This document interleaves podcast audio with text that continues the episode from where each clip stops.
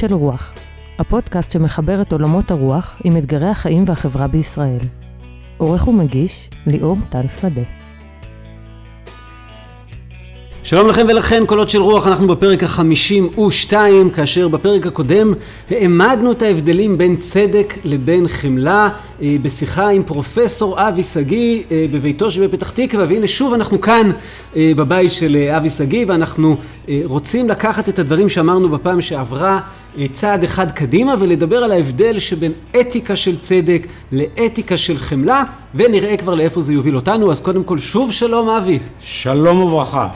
טוב. אז אנחנו עצרנו באמת פעם שעברה אחרי שתיארנו ואני אזכיר על רגל אחת את סוף המפגש הקודם תיארנו את החמלה גם בעזרתה של אדריאן פייפר וראינו שהיא מדברת על שלושה שלבים שאיתם אנחנו מגיעים לחמלה האחד זה הבנה אמפתית של הזולת של הזולת הקונקרטי הספציפי האיש שכרגע נמצא מולי השני זה היכולת לחוש, להרגיש משהו מהסבל שהוא חש גם כן, ואז מתוך השילוב הזה של הקוגנטיבי והרגשי, מגיעים לשינוי הרצייה, זה השלב הקונטיבי, השלב של הרתמות לפעולה, אני כבר לא ניטרלי, אני כבר לא עומד פה ומביט מן החוץ, אלא אני נרתם לפעולה ואני עושה משהו. ובעצם בניתוח של זה, דרך סיפור שהבאנו, סיימנו את הפרק הקודם, ומכאן אנחנו יכולים סליחה, להתקדם הלאה ולהגיד שהסיפור הזה של חמלה הופך להיות אתיקה חדשה, אולי אפשר לקרוא לה, היא לא כל כך חדשה, אבל חדשה יחסית לאלפיים שנות, אמ, האתיקה של החמלה. היא לא חדשה מפני שבני אדם תמיד היו חומלים. מה שחדש זה התיאוריה.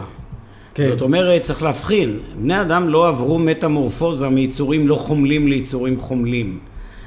אמ, אנחנו מוצאים את הביטויים של חמלה גם במקרא לא אחת, אבל הרעיון המרכזי הוא שבמאות המאוחרות יש ניסיון להבנות גם את התיאוריה כי אנחנו גם יצורים מודעים. אנחנו לא רק יצורים פועלים, אנחנו גם יצורים שנותנים לעצמנו דין וחשבון על פעילותנו. כן, בדברים שלי בעצם התכוונתי לתחום הזה של הפילוסופיה של המוסר, שעוש, בדיוק, אז ל... התחום, גם פילוסופיה של המוסר היא עתיקת יומין. כן, ובתוכה הכתיבה על אתיקה של חמלה, נדמה לי, היא יותר ב-200 השנים האחרונות. כן, הכתיבה, זאת אומרת, ננסח את זה בצורה מדוקדקת. ממצאים ראשוניים, התרמות של חמלה, נמצאים מהעידן העתיק בכל הספרויות. התיאורטיזציה היותר שלמה כמעט אפשר לסמן, הייתי אומר, את נקודת התפר עם ספינוזה שמעלה לראשונה את המושג של אה, חמלה, ואני לא אכנס כאן לניתוח שלו, אבל אנחנו נמצאים במאה ה-17-18 שהחמלה הופכת להיות מושג שדנים בו ודנים בו בדרך כלל בביקורתיות.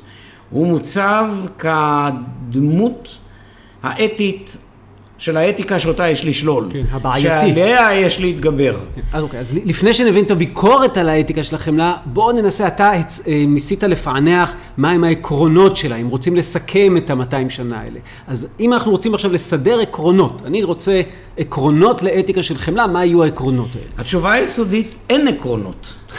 כי כשאתה לא פועל מתוך עיקרון, אני הייתי מנסח במקום המרכיבים, המילה... המרכיבים. בדיוק. זאת אומרת, מה קורה כשבני אדם חומלים? אז התשובה היא ברורה וחדה, והיא באמת מודגדת ש... לאותה אתיקה שנקראת אתיקה של צדק. החמלה היא תמיד חמלה מקומית, קטעית, מסוימת. אין מקום לדבר על החמלה על כל בני האדם. מי שחומל על כל בני האדם לא חומל על אף אדם. הוא חומל על מושג מדומיין, על אידאה. החמלה היא תמיד מוסבת לבני אדם ספציפיים סובלים. אנחנו יכולים לתאר אותם. הם כאן, כאן לא, לאו דווקא במובן הגיאוגרפי, אבל במובן הנפשי. הם נמצאים ומטילים עליי חובה בסבלם. אני סובל עמם. אז קודם כל, המערכת הראשונה שבה צריך לחשוב על אתיקה של חמלה הוא הרעיון של היות עם בני אדם בסבלם. זה אוף, אני אנסח את זה בצורה יותר עמוקה, אתיקה של חמלה היא אופן של היות אדם בעולם. היא לא מין עיקרון שאני כעת אכנס איתך לשיעור בפילוסופיה של החמלה, כי פילוסופיה של החמלה היא לא חמלה, היא התיאוריה אולי, וגם שם אני אעמוד די חדל אונים. חמלה היא התייצבות בתוך סיטואציה. הדבר הכי טוב לדמות אותה הוא לאהבה, לעוד רגש כולי. אה, אנחנו כמעט לא יכולים לדבר על אהבה. קריסטבה כותבת בספרה השיח על אהבה, כשאנחנו מדברים על אהבה אנחנו לא אוהבים. אני לא משוכנע שהיא צודקת, יש גם דיבור אהבה, אבל הנקודה הקריטית שאתיקה של חמלה נובעת מההתייצבות עם בני אדם ולנוכח סבלם. ואז זה גם אומר שהיא לא מנסה לשנות את העולם ולעשות אמת. מהפכה. אתיקה של חמלה, אם יש משהו שאופייני לה, זה ויתור על החלומות ועל אידאות הגדולות. אתיקה של חמלה היא בעצם אתיקה שבמרכזה עומד מושג הסבל. הסבל שאותו צריך למנוע, שאותו צריך לצמצם. היא תמיד ממוקדת במה שעולה כאן בסיטואציה הספציפית הזאת. לעתים ראוי לכנות את אתיקת הסבל, את אתיקת החמלה כאתיקה של סבל. לנוכח סבל, השאלה המרכזית היא לא מה החובה שלי התיאורטית, איזה עיקרון מוסרי עליי להפעיל, אלא מה עליי לעשות כאן לנוכח הסובל. החיבור הזה מיד לסבל, ש, שלקח, כל הפרק הקודם אמרנו את זה ועכשיו אנחנו אומרים את זה שוב. האם אני יכול לדבר על להיות עם, אבל לא במצב של סבל. אני חומל עליך, אז אני איתך באושרך, אני איתך בשמחתך, אני איתך... אוי ב... ואבוי אם אתה חומל עליי באושרי. זאת אומרת, חמלה נו- נועדה רק לטיפול בדיוק. בסבל. אתה יכול לשמוח באושרי. אומרת, אולי פה זה עוד הבדל. הצדק רלוונטי לא רק אל מול מצב שלילי, ואילו החמלה כן. כן, אבל זה, כשאתה אומר לא רלוונטי וכן רלוונטי, זה כאילו שהם עובדים באותה מישור, הם עובדים במישורים שונים לגמרי. אתיקה של צדק היא אתיקה של חוק. אתיקה של חמלה או אתיקה של סבל זה אתיקה של אופן היות בעולם. זאת אומרת, אני יכול לשבת כדי לתת לזה דוגמה ממשית, קונקרטית, אני יכול לשבת בבית המדרש האקדמי או בית מדרש באוהלה של תורה וללמד את העקרונות של צדק, שאחר כך אני אכיל אותם על המציאות. אני לא יכול ללמד את העקרונות של חמלה כמו שאני לא יכול ללמד את העקרונות של אהבה. כשתהיה בחמלה, אתה תהיה. אם תתייצב שם, תהיה. לכן קראתי לאתיקה הזאת אתיקה של אופן היות. כן. עכשיו, יש בה דברים מובהקים, זה לא, זה שאני לא יכול לדבר על מה... יש לה מאפיינים, יש לה כן, מרכיבים. ה- ההתייצבות הראשונה היא התייצבות עם. של עם. היא גם לא מונעת על ידי הרעיון שבאמצעות המעשים שלך תביס בהכרח את הסבל. צריך לזכור שאצל קאנט בסופו של דבר הפוסטולט, היינו מין אידאת על שמנחה את המחשבה המוסרית, שיהיה בסופו של דבר התאמה בין העולם לבין העמדה המוסרית האידיאלית. אתיקה של סבל היא נכונות לתבוסה. תחשוב על האדם שמתייצב עם חולה סופני בסבלו. הוא לא מצפה לשום דבר אחר פרט מאשר להיות איתו בסבלו. זה לא אומר שהוא מוותר על תקווה. כן. אבל התקווה איננה הופכת לעקרון פעולה, אלא כמשאלה, אני הייתי רוצה. עקרון הפעולה שלו נגזר מהעובדה שכאן יש סבל וצריך להגיב. אז פינק- אולי, אולי צריך להוסיף פה את המילה ענווה. זאת אומרת, אני בא, ל...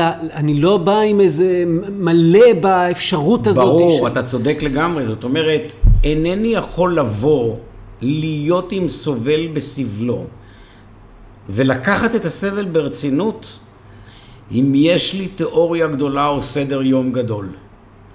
אני חושב שמי שחווה את זה עם בני משפחתו החולים, לא עלינו במחלות קשות, יודע את זה היטב. אתה לא יכול להיות עם החולה המתייסר. אם יש לך איזו תיאוריה גדולה איך למנוע את זה, כשפעמים רבות אתה לא יכול לעשות כלום. להיות עם הסובל בסבלו זה לוותר על עמדת שיפוט. זה פשוט להבין כאן יש סבל. לוותר על עמדת שיפוט, פירושו של דבר, גם לוותר על עמדת השיפוט שלך, לא רק העמדת השיפוט של אתה מכיל עליו, על הסובל, אתה מתייצב איתו בסבלו, אתה מחבק אותו בסבלו. כן. פה אמרנו בעצם עוד משהו שהוא חשוב, הרבה פעמים יש נטייה כשאני רואה אדם בסבלו, לעשות ניתוח של איך הוא הגיע למצב של הסבל הזה, ולעיתים הניתוח הוא, אה, יש בו אכזריות מסוימת, או לכל הפחות הוא, הוא לא קל, כי אני אומר, אה, במובן ש... מסוים הוא אשם בסבלו. כן, אני חושב שוב, אני, אה, כשאני חושב על הימים הללו ועל ההתנהלות כלפי חרדים של חלק לא גדול בחברה, כלפי החברה החרדית, חוסר ההבנה לסבלם היה מגיע להם, כי אם הם חיים בעולם כזה חשוך, בעולם כזה, זה כעת ההזדמנות לשנות אותם. אם הם לא יעברו טרנספורמציה, הלך עליהם. זאת אומרת, אנחנו במקום להבין את הכאב שלהם באופן שבו הם חיים עכשיו ועתה, ולא לבצע עמדת שיפוט, הרי זו האופן, זה האופן הקל, הקל ביותר להתייצב במצבי מצוקה. שוב, כמי שהוא מורה דרך נפלא בספר הדבר, האב הישועי, הנזיר פנלו, בדרשה הראשונה, כשהמחלה, הדבר, פורצת בעיר אורן שבאלג'יר, הוא מכנס את האנשים ב... לקתדרלה ומסביר להם מהו החטא שבגינו המחלה פורצת. זאת אומרת, הוא מטיל עליהם אשמה. כן. כמנהגם כי... של הרבה אנשי דת לאורך הדורות. אנשי דת ולא רק אנשי דת. כן. כי צריך לזכור שדת היא שם גנרי לכל מי שחושב שהוא יודע את האמת. אבל גם כשמטילים אשמה, אני חושב יש שני סוגים של הטלת אשמה. יש מגיע לך, ולכן זה לא עניין שלי, תתבוסס בסבלך כי מגיע לך, ויש מגיע לך ואני מרחם עליך ולכן אני אעזור לך. בשני המקרים זה לא חמלה. ברור לגמרי. תכף נדבר על רחמים. החמלה היא מחיקת פנקס האשמות. אי אפשר לדבר על חמלה ללא פנקס האשמות. לגבי צדק, אתה רואה מיד את ההבדל. במקום שאתה אשם, אז אתה לא צודק. ואז אתה תישא בחטאך, בחטאך, בתוצאות של החטא שלך. לעומת זאת בחמלה, אתה מסלק את זה מהסיפור. זה מזכיר לי את כל סוגיית, אולי אני עכשיו הולך פרפץ' כזה, את כל סוגיית לפי כבודו אה, בתלמוד. כשאני רואה אדם עם הכבוד הספציפי שלו ושהלל רץ לפני אותו אה, אה, עני בן טובים כן. כשהוא לא מצא עבד לשמשו וסוס כל הסיפורים האלה שבהם הכבוד של האדם שמולי מנחה את מעשיי ולא זה שאני עכשיו רוצה לחנך אותו ולשפוט אותו. בהחלט, זאת אומרת הלכות צדקה בכלל וגמילות חסד במסורת היהודית, אמרתי, זה חמלה תמיד הייתה, אנחנו רואים מתוך הפרקטיקה הזאת עד כמה עמוקה הייתה ההבנה הלל הזקן, גדול חכמי ישראל, לא רואה פחיתות לעצמו כדי לגמול משהו לא. עכשיו צריך לזכור את המטאפורה העמוקה, המן הרשע. גם הרען רץ לפני מרדכי, אבל זה הפוך לגמרי. כן, יפה מאוד. וזה עסק מאוד עמוק. חמלה היא ויתור של האדם על הריבונות שלו, על המלאות העצמית שלו. ולא לשים את עצמו במרכז, אלא לשים את הזולת במרכז. ולכן זה אופן היות, כי לחמול מחייב הרבה, רחמים לא מחייב כלום. רחמים, האדם עושה משהו בשביל הזולת, אבל בסופו של דבר הוא מרגיש טוב, והוא יוצא מזה נשכר. תראו, הנה, עד כמה אני טוב ועד כמה אני מעולה, ולמרות שלא מגיע לזולת, אני נתתי לו, ותראו איזה אדם מופלא אני. בספרך הבאת אה, אה, ציטוט, אה, אני מחפש אותו עכשיו, שהוא נהדר ונוגע ללב, מתוך ספר של שרה שילה. נכון. כן, הנה בואו נקריא את זה. כן, זה, בדיוק זה, חשבתי שזה ראוי. זה מעין מונולוג שמסביר עד הסוף את העניין. מתי שרואים אותך גמורה, נהיה להם כבד על הלב. הלב שלהם נהיה שחור. מה הם עושים בשביל שיחזור להם הלב הקל? שופכים את הרחמנות שלהם על הראש שלך. דלי של מים בסוף של השטיפה, מים שחורים, זה הרחמנות שלהם. שפכו עלייך את הרחמנות שלהם, עכשיו עומד הלב שלהם נקי. איזה נקי? מבריק הלב שלהם נהיה, רק מזה שהם חושבים כמה הם טובים. ואת, מה איתך? את עומדת שמה רטובה עד העצם, וגם מלוכלכת מהמים השחורים שלהם. מהספר שום גמדים לא יבואו. כן, זה אחד הטקסטים המופלאים ביותר שמצאתי, שנותנים ביטוי כל כך עמוק לחוויה היסודית הזאת, שלפעמים מנחה את חיינו, וקל, די בנקל, אפשר להבין מתי בני אדם פועלים מתוך רחמים, ומתי הם פועלים מתוך חמלה. בדיוק אם הם מפסיקים או לא מפסיקים לבצע שיפוטים, אם הם מסבירים או לא מסבירים, אם הם אומרים אבל, זה בדיוק הדבר הנפלא. שהסובל בסבלו, כשמישהו חומל עליו, לא מרגיש נחות מהחומל. במובן עמוק הוא עושה חסד לחומל, כי הוא מאפשר לו להיות שלם יותר ממה שהוא היה קודם. אז בואו נתקוף קצת את האתיקה של החמלה כדי שיהיה מעניין ושנוכל קצת להבין את הביקורת של האתיקה של הצדק כלפיה.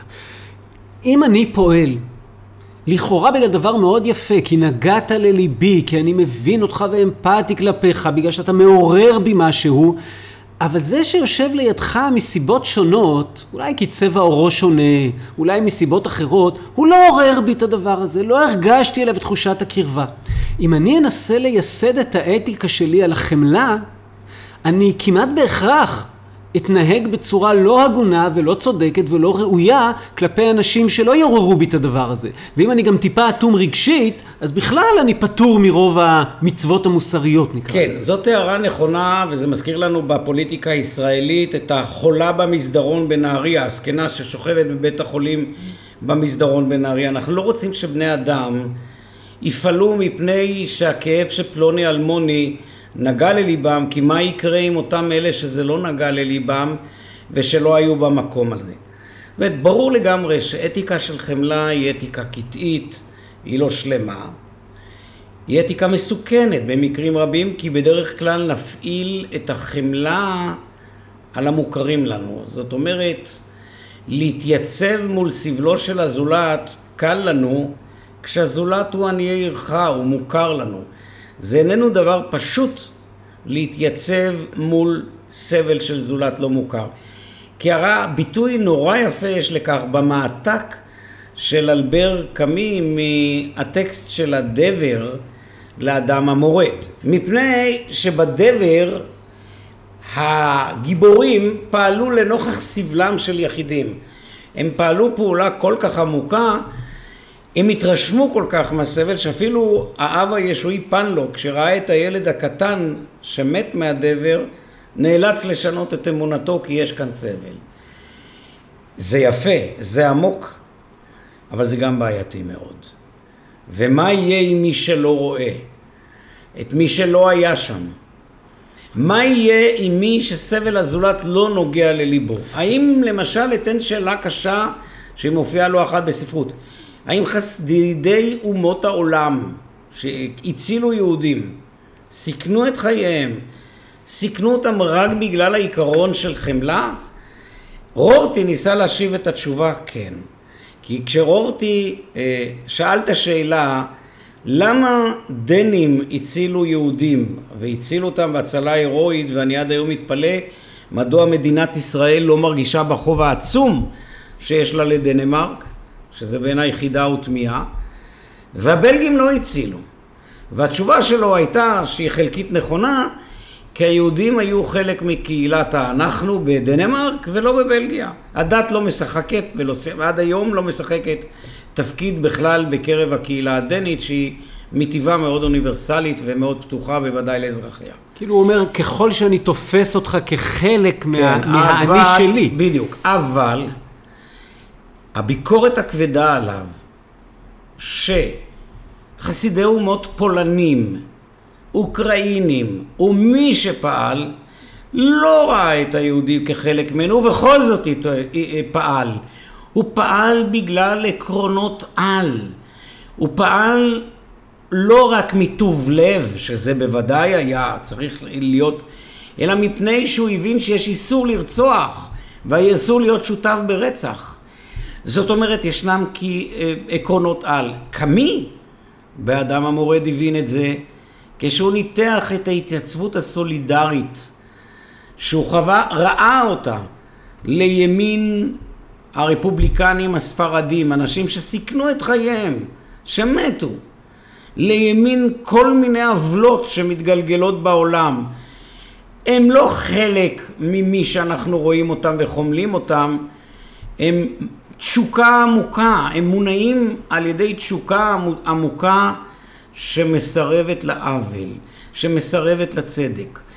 ברור לגמרי אז קודם כל שחמלה היא לא ההנאה היחידה שגורמת לאדם להתייצב מול הסבל. אבל יתרה מזאת, ניקח את ה... שוב, במרחב חיינו האישיים, דמיין לעצמך את שר הבריאות פועל מתוך חמלה, כי הוא מכיר את פלוני ומתוך אלמוני. מה יהיה על בתי החולים האחרים? מה יהיו על חולים שהוא לא מכיר אותם? הצדק הוא עיקרון מאוד חיוני בחיינו. כן, אני, אש... אני מחייך כי אנחנו מקליטים את זה ביום שבו מתחלף שר הבריאות. כן. בוודאי, אבל אני לא בא כאן, אני כן, לא יודע מה... ולכן זה לא כלפי מישהו מסוים, כן, זה לא כלפי, אני רק אומר באופן עקרוני, כן. אני לא מוסמך לש, לשפוט. כן. זה כבר מוביל ממש, לש, לא לשאלה של אתיקה של צדק מול שלך, אלא לפוליטיקה של צדק מול נכון, לכאורה המרחב הפוליטי הוא מרחב של צדק ולא של חמלה, במיוחד בהכירנו את העובדה שפוליטיקה היא מלאת אינטרסים. הרי לכאורה גם חמלה הוא סוג של אינטרס, כי הוא אינטרס של האדם עצמו. אולי אגיד לך שהפוליטיקה היא פוליטיקה של צדק, וועדת החריגים היא ועדה של חמלה. בית, לא. וועדת החריגים היא ועדה שפועלת בהתאם לעקרונות הצדק. כמו בימי הביניים, כמו בעת העתיקה. יש פה מקרה כזה חריג שהצדק לא נתן את דעתו עליו, אנחנו לא מתקנים את כל העיקרון כדי להכיל אותו, פותרים את העוול במקרה הפרטי. זה לא בהכרח ביטוי של חמלה, אבל מה שההערה שלך היא נכונה, היא לגבי העניין הבא. לעתים קרובות פועלי צדק, היינו אנשים שהם ביורוקרטים, או שמנהלים דברים גדולים, לא רואים את הבני האדם הפרטיים, לא את האדם הפרטי הזה, הם לא רואים את המצוקה. הם לא רואים את מה שעובר עליהם. אני לא פעם כשאני מעביר השתלמויות לאנשי חוק ופקידות בכירה בכל מיני הקשרים, אני שואל אתכם, את שאלת היסוד שלי, מה זה בעיניכם סבל סרבנט? מי הוא משרת ציבור אידיאלי? וכמובן התשובה היא, אדם שפועל בהתאם לעקרונות החוקיות. כי אם לא, הם יושמו בהטיית דין וכיוצא בזה. אבל זאת הנקודה המרתקת. האם באמת כשאנחנו מגיעים למרחב הציבורי אנחנו צריכים לנטוש כליל את החמלה או להפעיל אותה כמנגנון ביקורת? וכאן אני הופך את הדברים שאמרתי אליך קודם. ועדת חריגים ודאי פועלת על פי עקרונות צודקים, היא צריכה לנמק. אבל האם באמת היא לא מוקמה מפני שהצדק לא, לא יכול להכיל את המקרים האלה? זה בדיוק הייתה כוונתי. בדיוק. אני אז שזה... אני אמרתי, אני בכוונה כן. ניסחתי את זה בצורה דיאלקטית. כשהתכלית שלי, של דבריי, היא לומר בעצם ששתי האתיקות הללו הן הכרחיות, הן מתקנות זו את זו. הצדק מוביל אותנו לכך שאנחנו, כשאנחנו פועלים בחמלה ודואגים לסובל הזה, נזכור שיש עוד אחרים. מה נעשה עם זה בתחום האתי, בתחום הפוליטי, זו שאלה מעניינת וחשובה. אבל זה אומר שאתה חייב לצאת מהכיתיות, מהפרטיקולריות, אל מרחב אוניברסלי. וכשאתה פועל בהתאם לעקרונות חוקיות, תזכור שהחוקיות חלה על בני אדם במצבם הם, צבע אבן אותם. תראה אם באמת ההכלה הזאת היא ההכלה הנכונה, מה נחוץ, מה דרוש, ואחר כך תחזור אל אתיקת הצדק או פוליטיקת הצדק ותארגן אותה. אתה אומר את זה, אני נזכר בשני דברים. אחד זה סיפור קצר שאחד מתלמידיי סיפר לי שהוא אה, אה, מנכ"ל ובעלים של ארגון ידוע עם הרבה סניפים בארץ. ניגש אליו אחד העובדים, שאומר עובד אצלי כבר 15-20 שנה, וסיפר לו שהוא נכנס לבעיות כלכליות מאוד לא פשוטות, וביקש גם מענק חד פעמי מהארגון וגם אה, איזה סוג של הלוואה מהארגון אה, כי הוא אמר אני, אני חייב לצאת מהמצב הזה ואני צריך פה סיוע בהתמודדות. ואומר אותו מנכ"ל ישבתי ולא ידעתי מה לעשות כי אם אני נותן לו באותו רגע אני כפוף לעיקרון של שוויוניות כלפי עוד 500 עובדים, שכל אחד יכול לבוא ולהגיד, וזה מנוגד לכל התקנות ולכל... מה אני עושה במצב הזה? אז הוא אומר, ישבתי, הייתי בשקט דקה, הוצאתי את הארנק, הוצאתי צ'ק פרטי, ואמרתי לו, הנה המענק, אני לא יכול לתת לך את זה מהארגון, אבל הנה המענק, ואז הוצאתי צ'ק פרטי שני, ואמרתי לו, והנה ההלוואה. במובן מסוים הוא, הוא אמר, אני, בגלל, דווקא בגלל הצדק, אני לא יכול לעזור לך רשמית. אבל בוא, בינינו, אני עכשיו חומל עליך, אני, אני נותן לך את הצ'ק. זה, זה פתרון מעניין זה פתרון ומורכב. של, נכון. זהו, הסיפור היפה הזה הוא בדיוק ביטוי לעובדה שגיבור הסיפור הבין שיש שתי מערכות שמחייבות אותו. ואיש מאיתנו לא יודע מה במצבי סתירה לתת עקרונות על לפתרון. דווקא העובדה שהוא מצא את הפתרון מהמקום שלו לאזן, מלמדת אותך שהיחס שבין שתי האתיקות הוא יחס דיאלקטי פתוח. הוא פתוח והוא דיאלקטי אם, אם אתה מוכן להתייצב בפני שניהם. אם אתה לא שוכח להיות גם אדם פרטיקולרי קטעי וגם יצור שחורג ממנו. כי בסופו של דבר זה, זה משמעות קיומנו כבני אדם. אנחנו גם יצורים לוקאליים, מקומיים מאוד, נתונים בסביבה פרטיקולרית, בתנאים פרטיקולריים, אבל גם יש לנו יכולת להמריא. זה לא או-או, כי אתיקה של צדק מאפשרת את אושוויץ, אבל גם אתיקה של חמלה מאפשרת אותה. כשמנתח... איך אתיקה של חמלה מאפשר? אה, כי אני, כי, כי הפשוט היהודי לא מעורר בי שום דבר. בדיוק, בדיוק. אוקיי. אבל גם אתיקה של צדק, זה צדק כלפי הגרמנים. Okay. העסק מתחיל להתנועע, אם הוא מתנועע, כשאתה יודע שאתה נמצא בנימות מערכות. תגיד, אפשר להגיד שזה הרעיון, אני לא יודע, אני כן, שזה הרעיון מאחורי כל סיפור הדין ומעבר לשורת הדין, הדין והרחמים? כשרבי יוחנן אומר, לא חרבה ירושלים, אלא משום שהעמידו דיניהם על דין תורה. אז הוא בעצם אומר, הם, כי הם עבדו רק עם אתיקה של צדק ומעולם לא הפעילו אתיקה של חמלה. אחד העם במאמר שלו, מידת הדין ומידת הרחמים, הוא אומר, כדי לבנות חברה צריך את הבסיס של מידת הדין, אחרת הכל יתפרק. כמו שאתה אמרת, פוליטיקה מתחילה בפוליטיקה של צדק. אבל אם לא בונים עליה את מידת הרחמים, זה, זה אני, אותו אזור? כן, זה מורכב, כי אנחנו היינו צריכים לשוחח באמת על העניין הזה באופן מיוחד, לנתח את התבניות המיוחדות שהמסורת היהודית, בעיקר זו ההלכתית, התמודדה עם שני הדברים. ראשית זאת מסורת שהתמודדה איתם. כשעל הפסוק ועשית ישר והטוב כותב הרמב"ן שלא תהיה נבל ברשות התורה. זאת אומרת, אתה יכול לקיים את החוק ועדיין תהיה נבל, תהיה מנוול. נדרש ממך יותר. אבל כשאתה עושה את היותר, אתה לא חורג בהכרח מהחוק, אתה מגיע אל תכליותיו. יש סיפור בתלמוד על אנשים ששברו אה, חביות, אה, נושאי חבית, סבלים ששברו, ובא הבעלים של החביות ולא רצה לשלם, אומר לו אחד האמוראים, תשלם כי כתוב למען תלך בדרך טובים. והוא שואל אותו, דין האחי? אז הוא אומר, האם זה הדין? הוא אומר, כן, כי למען תלך בדרך טובים. זאת אומרת, השאלה היא בסופו של דבר... מזכיר את ההגדרה של הרמב"ם לצדקה, חובות המוטלות עליך כלפי זולתך בגלל מידת אופי טובה. בדיוק. זה המשפט הבא שרציתי, גם בספר המצוות הוא מנסח את זה כך. וגם באותם הלכות מילות חסדים, זאת אומרת... זה במורה נבוכי, הציטוט שנתתי במורה נבוכים, פרק אחד נכון, לפני האחרון. כן, זאת אומרת, זו מסורת שהבינה שגם בתור, שיש חשיבות דרמטית וגדולה למערכת נורמטיבית כללית כמערכת צודקת. אבל אסור לו לאדם להפסיק להיות סובייקט. להפסיק לערער על מערכת הצדק, ולא לזרוק את מערכת הצדק, אלא להבין שכאדם הוא עומד מול מערכת הצדק, ולעיתים הוא צריך לה, לה, לחרוג ממנה. אתה ציינת את דברי התלמוד, כן? שהם לא עשו לפנים משורת הדין. מה פירוש? למה אדם מתחייב יותר מלפנים משורת הדין? כי אתה צריך להיות בדרך טובים, אתה צריך להיות מיינש, אתה צריך להיות אדם. כן. המערכת עצמה גם מטפחת את זה. יש דברים שלא תוכל לעשות אם לא תהיה כזה. כשאני חשבתי על היחסים בין אה, שתי מערכות האתיקה, האתיקה של צדק ואתיקה של חמלה, לנגד עיניי עמדה באמת, עמדו באמת שתי מסורות. אחת המסורת היהודית ההלכתית, שתמרנה באמת את הדיאלקטיקה הזאת. אתה יכול לצאת מהעולם, לשמור תורה ולהיות רשע מרושע, נבל. ואתה יכול לעיתים לא לשמור את התורה ולהיות צדיק גדול. אולי הסיפור הקלאסי על זה, זה אותו אה, אה, רבי שמעון, אה, רבי אלעזר ברבי שמעון, שהיה יורד ממגדל גדור מבית רבו על גבי החמור וכו', כן.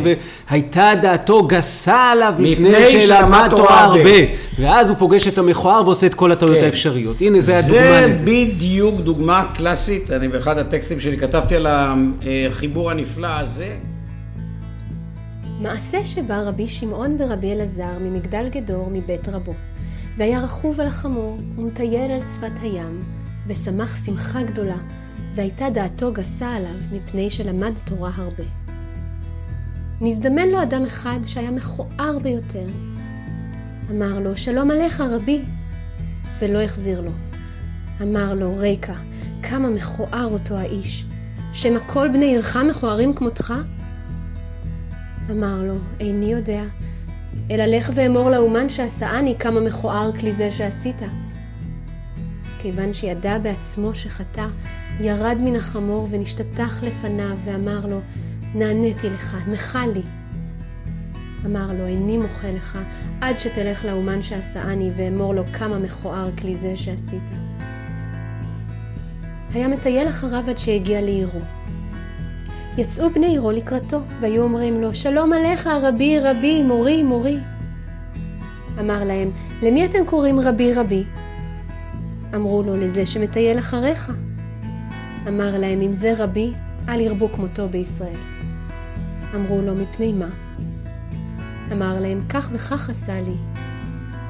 אמרו לו, אף על פי כן, מחה לו, שאדם גדול בתורה הוא. אמר להם, בשבילכם הריני מוחה לו, ובלבד שלא יהא רגיל לעשות כן. מיד נכנס רבי שמעון ברבי אלעזר לבית המדרש ודרש, לעולם יהא אדם רך כקנה, ואל יהא קשה כארז. שבעצם תלמוד תורה של אותו רב לזר גורם לו לחשוב שהוא מלך בעולמו. וכשעונה לו אותו מכוער בסוף לבני העיר, לא פעם לזה אתם חולקים כבוד, לכך מי שנוהג בי כך, הוא מבין שהוא טעה. הוא הבין עוד קודם, הוא שהוא אומר לו, לך לאמור לאומן לך", שעשאני, ואמור לו כמה אבל מכוער זה כלי לא. פשוט. גם אחרי שהוא אומר, לך אמור לי לאומן שעשאני, עדיין הוא הולך בביטחון שבני העיר יקבלו אותו. זאת אומרת, הוא מבין שהוא טעה, אבל כנראה זה לא נכנס מספיק עמוק לנפשו. הוא בכל זאת גדול תורה. אבל כשהוא מגיע אל הרפובליקה ש... של הקהילה, שבה באמת הארגום... ההבנה הזאת שאתה טעית היא לא מספקת, אלא מה מעמדך בתוכם, שם מתחיל, הוא מתחיל להרגיש שהתורה זה יפה מאוד, הידע הוא יפה מאוד, אבל אם המעמד שלך כגדול וכמי שכל בני העיר יוצאים לקראתך נפגם, אז זה לא שהם דפוקים, זה אתה דפוק. אתה, הם, ה- בני העיר הם המראה שבה אתה משתקף. ואתה משתקף לא רק דרך הטעות האנליטית, שאתה לא ידעת שהביקורת שיש לך היא על אלוהים, כי אלוהים ברא את המכוער, אלא מפני שהתורה שלך לא שווה כלום. זאת אומרת, אדם יכול ללמוד תורה כל ימי חייו, לפעול על פיה ולהיות רשע. ולכן אולי המשפט הבא שהוא אה, דורש בבית המדרש זה לעולם יהא אדם רך רך, כקנה, נכון. ואל יהא קשה כארז, והקשה. כארז זה דווקא הצדק, זה הדין. זה נכון ה- מאוד. זאת כן. אומרת, האתיקה של, ננסח את זה כך, אתיקה של צדק היא אתיקה של חוקיות. אתיקה של חמלה היא אתיקה שבו אתה צריך לבנות את עצמך. אני חוזר לדוגמה שנתת לי של אותו בעל אה, עסק גדול. אה, זה רגע מאוד יפה, כי הוא עמד שם במבחן בין החוק לבין האופן האישי שבו הוא מתייצב, והמעשה שלו הוא בדיוק התייצב לימין האישי, כי זה היה הפתרון שהוא יכול היה לפתור את זה. אבל אסור לוותר על אחד מהאגפים. המחשבה המערבית הליברלית של המאה ה-20 מוטה לגמרי לכיוון רעיון הצדק. ואנחנו גם יכולים להבין מדוע. בעולם שבו נעשו כל כך הרבה עוולות לכל כך הרבה אנשים, לנשים, גברים, להט"בים, לשחורים, ליהודים, לפלסטינאים, אתה מבקש את עקרונות הצדק. את הזכויות שבעצם זה המושג. בדיוק, ש- אתה, השיח שתנהל הוא שיח של זכויות על בסיס חוקיות. אבל במקום של עימות על זכויות, מישהו ייפול, מישהו ישלם. לפעמים זה תשלום ראוי. ראוי לאותם לבנים שפגעו בשחורים, שישלמו את מלוא המחיר. אבל לפעמים המחיר הוא מחיר שלא כדאי לשלם, וגם לא צריך לשלם אותו. מפני שאתה יכול למנוע מצבים כאלה אם אתה מפטר בתוכך אתיקה של חמלה, כי אתיקה שמאפשרת לך לא לראות את הזולת דרך איזה ארכיטיפ, נשים, גברים, יהודים, פלסטינאים, אלא בני אדם כמוני, יצורים כמוני שסובלים, כאן, עכשיו. הרי בכל המאבקים הפוליטיים במדינת ישראל, השפה המרכזית שבה מדברים על הצדק, על הזכויות שלנו כלפי הפלסטינאים. השאלה המרכזית שלא מדברים, ומה עם חמלה? יש שם בני אדם. אני לא אמרתי שצריך לנקוט עמדה כזו או אחרת, כן.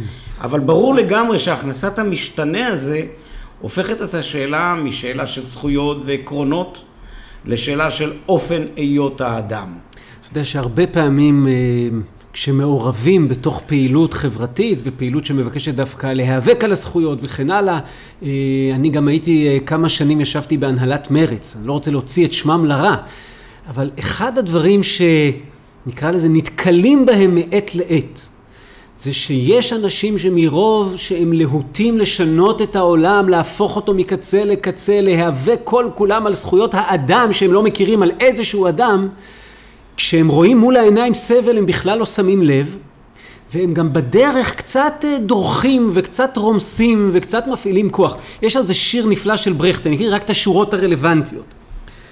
וידענו היטב, גם שנאה לשפלות מעוותת את תווי הפנים. גם הזעם נגד אי צדק מצריד את הכל. אך אנחנו, שרצינו להכין את הקרקע לידידות, לא ידענו להיות ידידותיים בעצמנו. אתה עולה פה על תופעה מאוד מאוד חשובה, שאני מכנה אותה לא פעם תסמונת הג'ירפה. הבעיה הגדולה של ג'ירפה היא מאוד גבוהה. קשה לה לראות מתחת לרגליים. זאת אומרת, כשאתה רואה רחוק, אתה לא רואה קרוב. אמ, לראות קרוב וגם רחוק, זו משימת חיים. השאלה מאיפה מתחילים. מרתה נוסבאום, שכתיבתה היא גם יהודייה, נוסף להיותה פילוסופית דגולה, לא מתרגמים אותה לעברית, לא זה מספיק, ממש אני, לא בסדר, כן, כן, כן. דיברה על, האו- על הקוסמופוליטיות המושרשת, כמעט דבר והיפוכו. בעבודותיה האחרונות היא משגירה את המונח הזה, שהמשמעות שזה היא כך, אתה הולך ומרחיב, אתה מתחיל ממשפחתך, מעירך, ממדינתך אל כל העולם. כי היא הבינה שאם אתה מדלג על הפרטיקולריות וקופץ אל האוניברסליות, אתה תראה את האדם, אבל לא בני אדם ממשיים.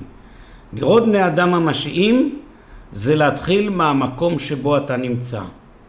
והמקום שבו אתה נמצא הוא לעולם פרטיקולרי. זה אגב הפתרון שלה.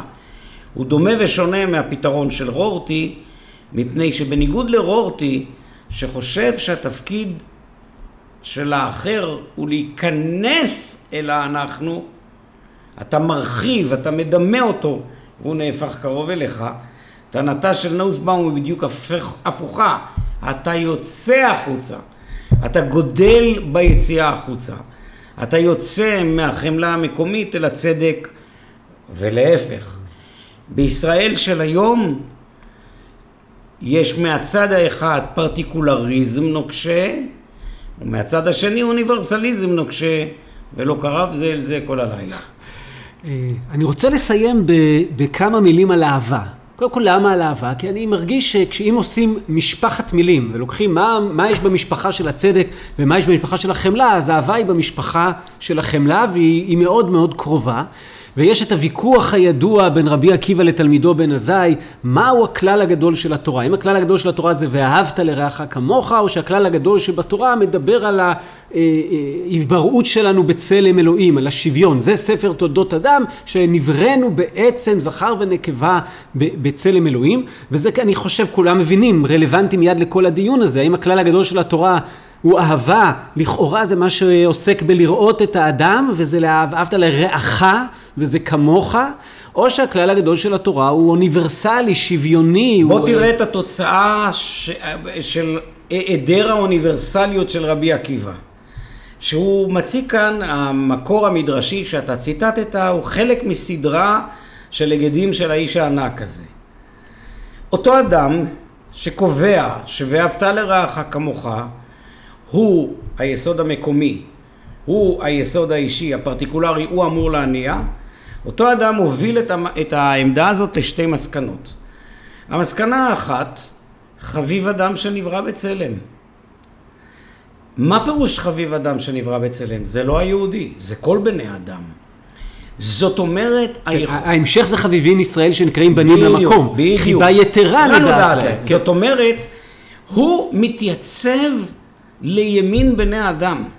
ובני אדם הם תמיד יצורים פרטיקולריים וכך הם נבראו. והנה מידת המבחן. הסיפור הקלאסי שהתלמוד מביא בכמה מקורות, שניים שהיו מהלכים בדרך ואין להם אלא קיטון מים אחד, כד אחד, מה יעשו? בן תורה אמרו, אומר, ישתו שניהם חצי חצי וימותו. אומר רבי עקיבא, חייך קודמים לחיי חברך, לפחות הוא ינצל. הנה אותה עמדה. אדם מוכן להגיד, גם לי, גם לך לא יהיה, כולנו נמות. כי הצדק מוביל למוות, ורבי עקיבא אומר, בוא נעשה את החשבון. אנחנו מתחילים בחיי היחיד, אבל אנחנו הולכים ומתרחבים אל כל האדם. מי שמתחיל מכל האדם, אותו בן עזאי שמתחיל מכל האדם, זה אותו בן עזאי שלא נשא אישה, כי חשקה נפשו בתורה. כי מרוב שהוא היה טרוד בכל בני אדם, הוא לא חי חיים קונקרטיים. דווקא אם אנחנו, עם האישה ועם החיים הקונקרטיים על רבי עקיבא, יש הרבה בעיות אחרי שנטש את אשתו לכל כך הרבה זה, שנים. על זה צריך... על זה יש פרק שלם שעשיתי עם נפתלי רוטנברג, תורת האהבה של רבי עקיבא. תראה, זה... מה שלא תגיד על רבי עקיבא, והוא בוודאי נהג לא בהגינות ולא ביושר כלפיה, הדינמיקה שמתנהלת בין שניהם היא מרתקת.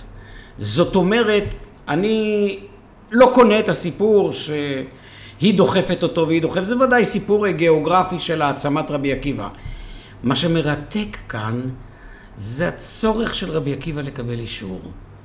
הוא לא בא ואומר כמו בן עזאי, חזקה נפשי בתורה ולכן שכולם ילכו לכל הרוחות ואני אשאר. לא, הוא רוצה ללמוד תורה, הוא צריך לקבל אישור מ. תעזוב אם הוא קיבל או לא קיבל. אבל זו בדיוק ראיית האדם הפרקטית, קונקרטית מאוד, שמאפיינת את כל עמדותיו ההלכתיות. כן, צריך למסור את נפשך למען האל.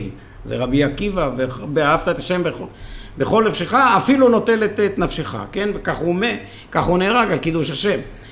אבל אתה מתחיל מהאדם, מהאדם הקונקרטי שהוא מקומי, ומשם אתה צומח. אני חושב שמרתה נוסבאום, שכפי שציינתי, יהודייה ומכירה יפה את המקורות, ייתכן ואלה הם חלק ממקורות ההשראה שאפשרו לה לשנות את עמדותיה לאותה עמדה כל כך יפה של הומו-קוסמופוליטיות מושרשת. אחד ההוגים שהכי אהובים עליי מאותם יהודים שמושפעים, אבל הם גם, זה אריך פרום, שמתעסק רבות בדברים האלה. באחד מהספרים שלו, החברה השפויה, הוא מנגיד ממש בין אתיקה של הגינות וצדק לבין אתיקה של אהבה, והוא אומר היהדות מיוסדת על אתיקה של אהבה. אני אקריא שלושה משפטים, ואולי עם זה אה, נגיד דברי סיום. אין ספק שעיקרון, שעיקרון ההגינות יוצר סוג מסוים של התנהגות מוסרית. אינך משקר, מרמה או משתמש בכוח, אתה אפילו נותן לצד השני סיכוי כאשר אינך נוהג על פי חוקי ההגינות. אולם לאהוב את שכנך להרגיש עמו אחדות וזהות, להקדיש את חייך למטרה של פיתוח כוחותיך הרוחניים. כל אלה אינם חלק ממוסר ההגינות. כאילו, המוסר של ההגינות הוא חסר משהו, הוא חסר את ה... הוא רק שגה בשגיאה אחת. יסודית של יהודי תלמיד חכם כמוהו לא ראוי היה שישגה. המסורת היהודית ביחס ש... של הזולת כוללת איסורים וחובות. האיסורים הם איסורי הגינות כולם. לא לגזול, לא לרצוח, לא לעשות א' ולא לעשות ב' הם איסורים של הגינות, פה אין לא, חוכמות. לא להלבין פני חברי ברבים, זה, זה, זה כבר uh, חורג מההגינות. חלק מהם כן, אבל חלק גדול מיוסד על הגינות. ולכן ברור לגמרי שבתחום הזה של הצדדים החיוביים זה אהבה. אבל אני לא חושב שראוי לומר שהמסורת היהודית, ההלכתית, היא מסורת שההגינות לא עומדת ביסודה. אתה לא אמור להיות רק אדם הגון, כי אדם הגון יכול לשבת בבית. אתה אמור גם להתגייס, אבל זה לא או-או, זה גם ו. אז זה בעצם חוזר לכל אולי, אה, אפשר להגיד, המסר של כל מה שאמרנו כאן. יש פה דיאלקטיקה בין שני רעיונות גדולים, והזניחה של כל אחד מהם היא מסוכנת. בהחלט. ו... פרופסור אבי שגיא, תודה רבה לך, היה מרתק, אה, ולמדנו הרבה, אה, אז תודה. בבקשה. ואני רוצה גם להוסיף תודה גדולה גדולה לשחקנית דבורה אלחדד ארושס, שנאותה אה, להקריא פה את הסיפור ששילבתי אה, בתוך הדברים, הסיפור על אה, רבי שמעון ברבי אלעזר עם המכוער שלקוח ממסכת תענית דף כ', קראנו אותו בתרגום של ספר ההגדה של ביאליק ורבניצקי, אז דבורה, תודה רבה רבה רבה על הקריאה המקסימה, ולכם מאזינות מאזינים, נגיד תודה רבה שהייתם איתנו, הפרק הבא, אנחנו נמשיך נמשיך בתוך הסדרה הזאת שבעצם שואלת על חלופות לצדק או על צורות מחשבה בצד צורת המחשבה של הצדק. אנחנו נעסוק בשני המיתוסים הגדולים של עץ הדעת טוב ורע ושל עץ החיים, ונבקש לטעון טענה שאומרת שבתוך המקורות אה, ולאחר מכן בתוך ההגות אה, נמצאת דרך נוספת לצד דרך האתיקה שנקראת אה, דרך החיים או דרך עץ החיים. אני אעסוק בזה עם ידידי, מורי, חברי, רבי. הרב דוב ברקוביץ', שיתארח כאן בפרק הבא. אז אם רוצים להבין קצת יותר למה הכוונה, פשוט תאזינו לפרק הבא, ובינתיים שיהיה לכולנו ימים טובים ויציאה טובה מעולם הסגר לעולם הפתוח. להתראות.